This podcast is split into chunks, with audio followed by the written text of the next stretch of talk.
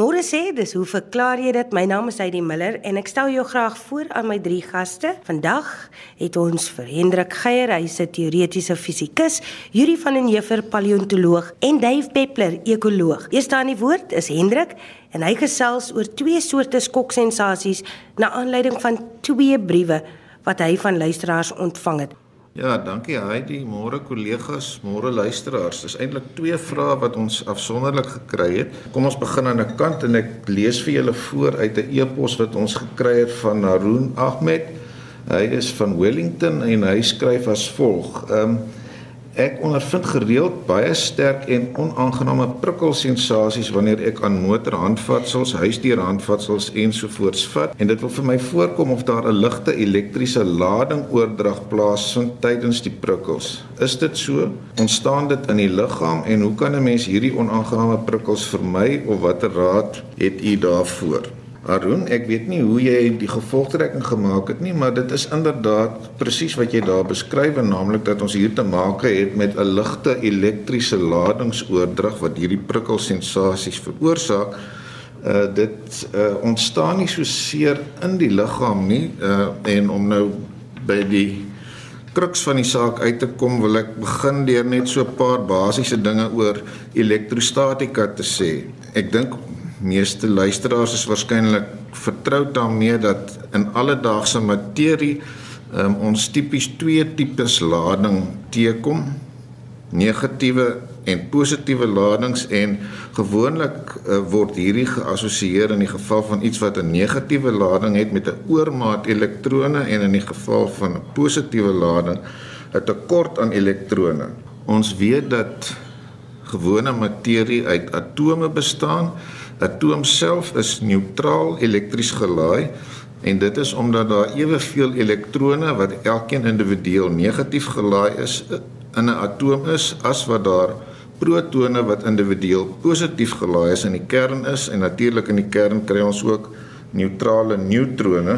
Vir die doel van die gesprek eh, kan ons nou sê dat daar verskillende maniere is waarop materie van elektrone kan ontslaa raak of elektrone kan bykry. Die rede waarom daar 'n uitruil van elektrone in materie hoegenaamd ter sprake is, is dat vir sommige atome eh, die buitenste elektrone, dit wil sê die wat die verste van die kern af gemiddeld is, ehm um, dat sommige van hulle swakker gebind is aan die atoom en in ander gevalle is hulle weer sterker gebind en dit het alles met die atoomstruktuur te doen waarop ons nie nou kan ingaan nie. Onder omstandighede van of fisiese of chemiese interaksie kan materiale waar die elektrone minder sterk gebind is, tipies daardie elektrone afgee aan materiale waar hulle weer meer uh, of sterker gebind sal word. En daar's verskillende maniere waarop hierdie proses fisies kan plaasvind. In die geval wat jy hier beskryf het, Haroon, praat ons eenvoudig van 'n oordrag deur aanraking. Nou die tegniese term wat daarvoor gebruik word is die triboelektriese effek, maar dit sê niks meer as dat wanneer sommige materiale aan mekaar raak, daar so 'n elektron uh, oordrag kan plaasvind nie. Wat hierdie oordrag verder kan aanhelp is as 'n mens materiale teen mekaar vryf want dan verhoog jy die mate van aanraking uh, en uh, die proses word daardeur aangehelp. Hier by graad 9-10 het ons op skool geleer dat as jy 'n stuk eboniet met 'n katvel vryf, word die eboniet negatief gelaai en as jy 'n glasstafie met sy vryf, dan word die stafie positief gelaai. Maar daardie proses van vrywery met 'n velletjie op 'n stuk eboniet en terloops eboniet is 'n soort harde rubber. Destyds die naam gekry omdat dit gesien is as 'n moontlike plaasvervanger vir ebbehout want dit sel 'n donker kleurstruktuur en ek dink die uh, digtheid is ook min of meer vergelykbaar uh so van van ebbehout die naam van eboniet uh, bly vassteek. Maar hoe ook al op hierdie manier kan 'n mens uh, demonstreer dat daar lading oordrag plaasvind. Hoe demonstreer jy dit wel? As jy een van hierdie stafies gevryf het en jy hou hom naby 'n klompie ventertjies papier, dan sien jy in die eerste plek dat die stukkies papier word aangetrek beide deur die ebonietstafie en deur die glasstaaf. En as jy twee soortgelyke stafies wat nou so gevryf is aan gare draadjies opmang, dan kom jy agter twee ebonietstafies stoot mekaar af en twee glasstafies ook. Maar as jy eboniet en 'n glasstafie naby mekaar laat hang, dan kom jy agter hulle trek mekaar aan. So op dië manier kom 'n mens agter dat daar twee tipes ladings is. Ek kan miskien net noem ehm um, Arun dat ehm um, daar ander maniere is waarop jy so 'n ladingsskeiding kan bewerkstellig. Die eerste ene is deur eenvoudig druk toe te pas op 'n materiaal. Dan praat mens van die piezo-elektriese effek en daar sommige materiale wat die eienskap het dat as jy hulle warm maak, jy ook so 'n ladingsskeiding bewerkstellig en dan praat 'n mens van die pyroelektriese effek. So die prikkelsensasie wat jy ondervind is wanneer daar 'n lading oordrag tussen jou en iets anders plaasvind, die soort aanvatsels wat jy beskryf. Die rede daarvoor is dat daar op jou liggaam tipies deur wrywing tussen skoene en matte of jou klere op 'n sintetiese materiaal wat tipies 'n uh, motor sitplek oortreksel sou kon wees. Uh, deur daardie wrywing word um, lading oordrag bewerkstellig. En as jy nou goed geïsoleer is deur byvoorbeeld rubbersole te dra kan daai lading opbou tot op die punt waar jy uiteindelik aan iets vat waar jy onmiddellike lading oordrag ervaar en dis dan daardie prikkelsensasie.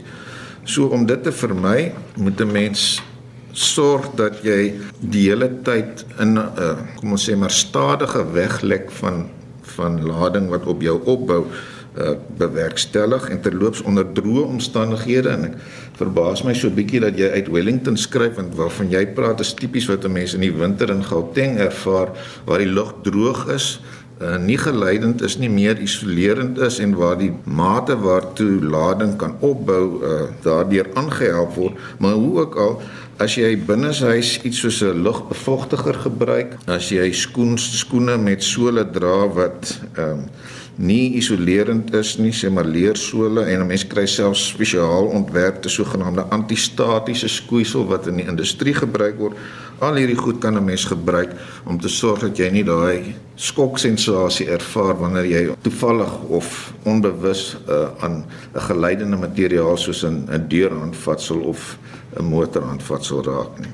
Hy dit is dan die eerste aspek van 'n skoksensasie. Die tweede ene uh, is na aanleiding van 'n navraag wat ons van Riana Kutse hier van Stellenbosch gekry het. So sy sê uh, my tienerdogter het die sogenaamde Sharpie Shock Challenge vandag aan my gedemonstreer en ons wil graag weet hoekom daar so 'n skokreaksie plaasvind en of dit gevaarlik is. So hier sou dit werk. Jy teken 'n uh, vierkant of 'n kolletjie uh, met 'n merkpen op die agterkant van jou hand. Jy plaas dan 'n selfoon se kamera flits teen die merk en neem 'n foto. En wanneer die flits afgaan, veroorsaak dit 'n skerp steekgevoel soos 'n naaldprik. Nou wil hulle weet wat veroorsaak hierdie reaksie en sou dit enige negatiewe effek op die liggaam hê. Rihanna, ek dink die saak is relatief eenvoudig. Ons het nie hier te maak met 'n elektriese skok nie, maar uh, eintlik net 'n dramatiese oordrag van hitte op die vel. Nou hy die gewoonlik gebruik ons nie produkname op die program nie, maar terwyl hierdie al lyk my so gevestigde terminologie is, moet ek seker nou maar noem dat 'n Sharpie 'n tipe merkpen is wat uh lyk my veral in Amerika redelik bekend is en ek neem aan hierdie uitdaging het in daai geleedere onder jong mense ontstaan om te doen wat ons nou pas beskryf het. Alwaaroor dit hier gaan is dat 'n swart merk swart in die algemeen natuurlik tot 'n groter mate lig en warmte absorbeer. So as jy nou 'n swart kol op jou vel gemaak het en dit van naby met so intense ligflits belig, dan word daar baie hitte geabsorbeer en so wat jy eintlik daar ervaar is niks anders as 'n klein brandsensasie nie. So uh dit kan nie enige langdurige negatiewe effek hê nie behalwe as jy natuurlik almekaar op dieselfde kolletjie dieselfde ding doen. Mens sou dit nou nie graag wou doen nie. Uh maar anders uh, is hierdie lyk my 'n redelike onskuldige ding wat nou maar uh, soos baie van hierdie sogenaamde uitdagings op die internet 'n lewe van sy eie gekry het en veral onder jong mense gewild geraak het. Uh, wat interessant is is om te lees dat nie almal dit tot dieselfde mate ervaar nie en hier was dit vir my nogal nuus om te lees dat 'n mens kan praat van die teenoorgestelde van die sogenaamde placebo effek. Daar word na verwys as die nocebo effek. Uh, wat eintlik net sê as jy in in iets negatief verwag dan kan die werklike ervaring selfs meer negatief wees as wat jy normaalweg sou registreer. So diegene wat nou van hulle self video's neem wanneer hulle hierdie speletjie speel, uh, kan miskien ooreageer as gevolg hiervan, maar anders as wat ek pas beskryf het, is daar nie uh, negatiewe effekte uh, gekoppel aan aan hierdie sogenaamde Sharpie shock challenge of Sharpie skok uitdaging. Ons sê baie dankie aan Hendrik Geier en nou is dit die beurt van Yuri van den Heever en hy gaan gesels oor slanggif. Goeiemôre Heidi, kollegas en luisteraars. Ons het 'n brief ontvang van John Mulder van uh, Plettenberg Bay en hy het 'n hele reeks vrae gevra, te veel om in een program te beantwoord want dit handel oor gewe onder diere en ook uh gewe of soortgelyke verdedigingsmeganismes uh onder plante. So ek sal vandag graag net iets wil sê oor gewe. Hy vra byvoorbeeld hoe het evolusie voorsien dat die slang met gif toegerus moes word om sy voortbestaan te vergemaklik dat hy daarsonder nie sou kon oorleef nie. Nou, dis nie heeltemal korrek om so te sê nie, John, maar ek weet ons praat almal so asof daar 'n soort van 'n rigtinggewende aspek is aan evolusie dat evolusie kan voorsien of iets in die verband, maar dit is ook nie so dat slange moet gif hê om te kan oorleef nie, want baie slange oorleef sonder gif. En ek sou dink dat as 'n mens 'n giftige slang se gifkliere sou verwyder, hy nog steeds sou kon oorleef, miskien net nie so effektief nie. En dan het jy 'n uh, reeks ander vrae oor dieselfde onderwerp, uh hoe die ingewikkelde biochemiese samelewing van slanggif ontwikkel sodat die slang die prooi kon verlang, het evolusie geweet hoe die gifkliere geprogrammeer moes word het evolusie al hierdie slim verwante dinge geweet en oor miljoene jare stiksgewys dit vervolmaak en dan uh, het jy so 'n bietjie kritiek want jy sê jy dink nie dit kan uh, stiksgewys gebeur nie want uh, minder giftige toksikant uh, is dis nie so effektief as een wat baie giftig is nie. Met ander woorde was daar eers minder giftige of minder effektiewe gif voordat daar effektiewe gif was. Dan vra jy of al hierdie vereistes, hierdie samehangende komponente van die gifproses gelyktydig ontwerp en in die slang se DNA geïnstalleer is. Ehm um, jy dink dit sou om die komponente onafhanklik te laat ontwikkel sou sinneloos wees. Wel, dit is eintlik nie so sinneloos nie want ons het baie goeie voorbeelde onder die oë van werveldiere wat vandag 'n baie komplekse stelsel is met 'n lens, 'n retina, uh, die glasvog, die watervog en die senuweebediening wat alles mooi saamwerk om ons en ander diere te laat sien. En daar is besonder goeie evolusionêre bewys dat oë eintlik uh stelselmatig ontwikkel het aanvanklik by ongewelde diere as net ligsensitiewe selletjies uh op die opperhuid en wat geleidelik meer en meer kompleks geword het tot ons die komplekse werveldieroog uh van uh vandag het. En dan uiteindelik reken jy dat as al hierdie goed gelyktydig moes gebeur het dan is dit nie 'n evolusionêre proses nie maar dit was inderwaarheid 'n skepingsaksie Nou as ons praat oor gif, daar is baie giftige diere en plante. Dink maar aan slange soos adders, uh selfs van die ongewêrelde diere soos jellyvisse, daar's geweldige toksiese jellyvisse aan die kus van Australië wat mense kan doodmaak. Spinnekoppe uh besit gif, skorpioene, honderdpote bye het gif. Daar is visse met giftige stekels. Daar selfs die uh koddige, dikkerige akkedissie wat ons in Texas kry, die sogenaamde Gila monster, twee spesies daarvan, Heloderma horridum en Heloderma suspectum wat gifkliere in die onderkaak besit en dan wanneer die diertjie die prooi byt, moet hy op sy rug draai sodat die gif in die wond kan inloop. So dis dit hy nie 'n manier om die gif in te spuit nie. En baie giftig ook onder weekdiere, die konus skulpe wat ek later iets meer sal sê ander akkedisse wat giftig is is die baie bekende Komodo draak, Varanus komodoensis, uh wat giftige speeksel bevat wat nou eers onlangs ontdek is Ons weet van die eendbekdier, 'n soogdier, 'n redelike primitiewe soogdier in Australië wat 'n gifstekel aan die agterpoot het.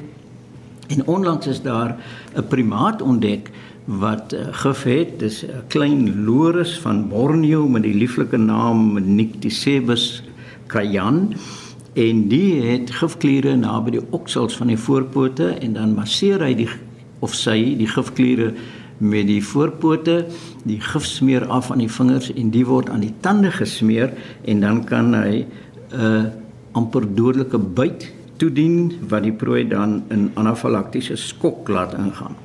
Nou al die gifwe wat ons weet van slange werk min of meer op dieselfde manier. Dit verlam die senuweestelsel, dit kan spiere laat disintegreer en verrot en dit kan bloedstolling verhoed.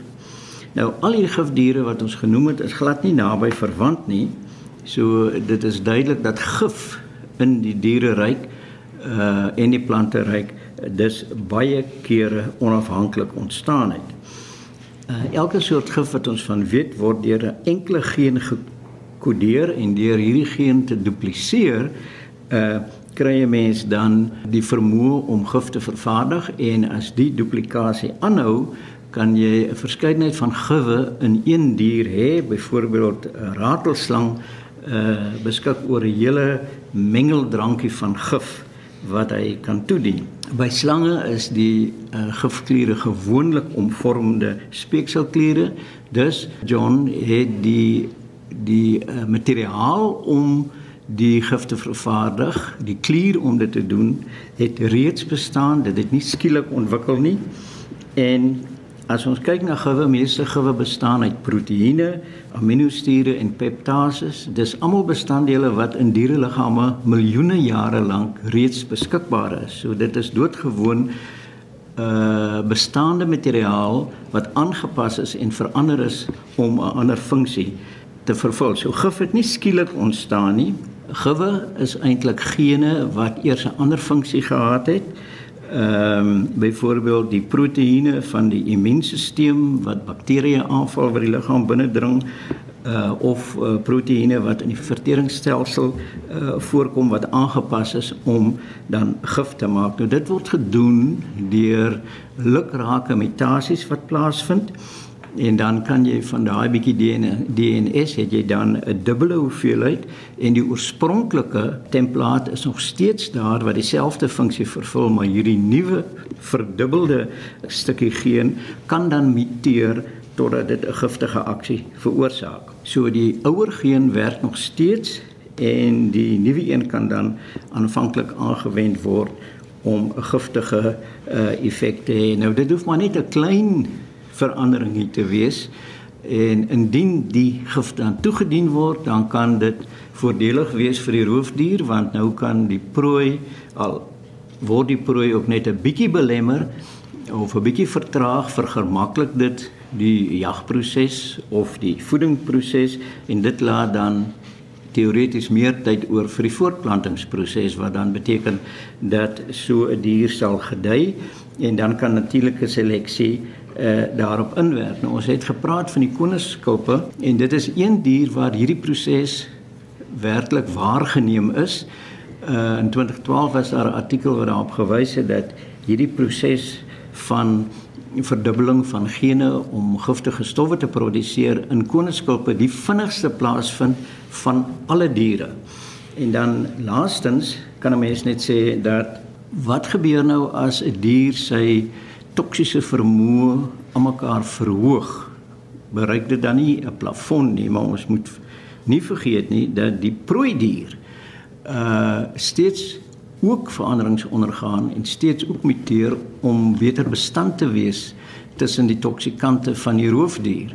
Dus is dit 'n uh, amper soos 'n wapenwetloop tussen die prooi en die roofdier om eintlik die status quo te behou, want hoe beter die toksikante van die roofdier word, hoe meer poog en dikwels slaag die prooi dier daarin om die toksikante te vermy of te bestry. So uh dit is duidelik dat 'n mens dan op hierdie manier daaraan kan dink dat dit iets is wat evolusionêr ontwikkel het, oor 'n lang tyd ontwikkel het, geleidelik ontwikkel het, nog steeds aangaan en dis nie uh, 'n skielike skepingsdaad gewees het om al hierdie komponente in lyn te kry nie. Ons sê dankie aan Yuri van den Heever. Dave Peppler is volgende. Sy vraag: Wat word van al die insekte wat nie deur vleermuise, mure of voëls geëet word nie? Dag Heidi, luisteraars, kollegas, die vraag van uh Marjorie Meyerling. Ehm um, wat word van al die insekte wat nie deur vleermuise, mure en voëls ge geëet word nie? Hoekom sien ons nie dat hulle in berge ophoop nie? Iemand het eendag gesê dat ons bykans kniediep in die insekte se loop as daar nie vleermuise was nie. Nou ja, kom ons begin met 'n standaard 6 biologie les oor insekte. Dis 'n groep organismes uh, wat hexapoda genoem word, hexa sespotiges, uh, invertebrate, hulle het nie 'n ruggraat nie, kom uit die filum um, orthopoda. Met ander woorde, hulle het 'n harde uitwendige liggaam, 'n eksoskelet. Hulle liggame is gesegmenteer en hulle het gepaarde aanhangsels, met ander woorde, die pote is gepaar en so ook die antennae. Die eksoskelet wat ons nou sien en kan voel is eh, bestaan uit chitin, dis 'n polimeer van glikose en dieselfde um, materiaal kom voor in doppe van krappe, die bekke van seekatte en in viskubbe. Liggame is in drie dele gebou, die kop wat mandibles bevat gewoonlik en dit is wat ons sien as hulle uh, insekvreke. Gewoonlik sien jy die bekdele, daar's 'n thorax en 'n abdomen meeste van hulle oë saamgestel. Kyk maar byvoorbeeld na die pragtige oog van 'n naaldekoker en daar is reeds meer as 'n miljoen spesies beskryf. Alhoewel daar gereken word dat daar sekerlik 6 tot 10 miljoen insekte is. Met ander woorde, daar is etlike miljoene wat nog nie beskryf is nie. Hulle word oral gevind. Meeste van die insekte wat ons ken, uh, ontpop uit 'n eier.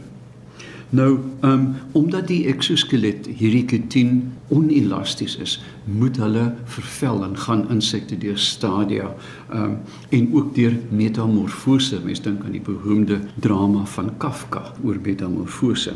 Die onvolwasse stadia van insekte verskil van die van die volwassenes in struktuur, gedrag uh, en ook in habitat.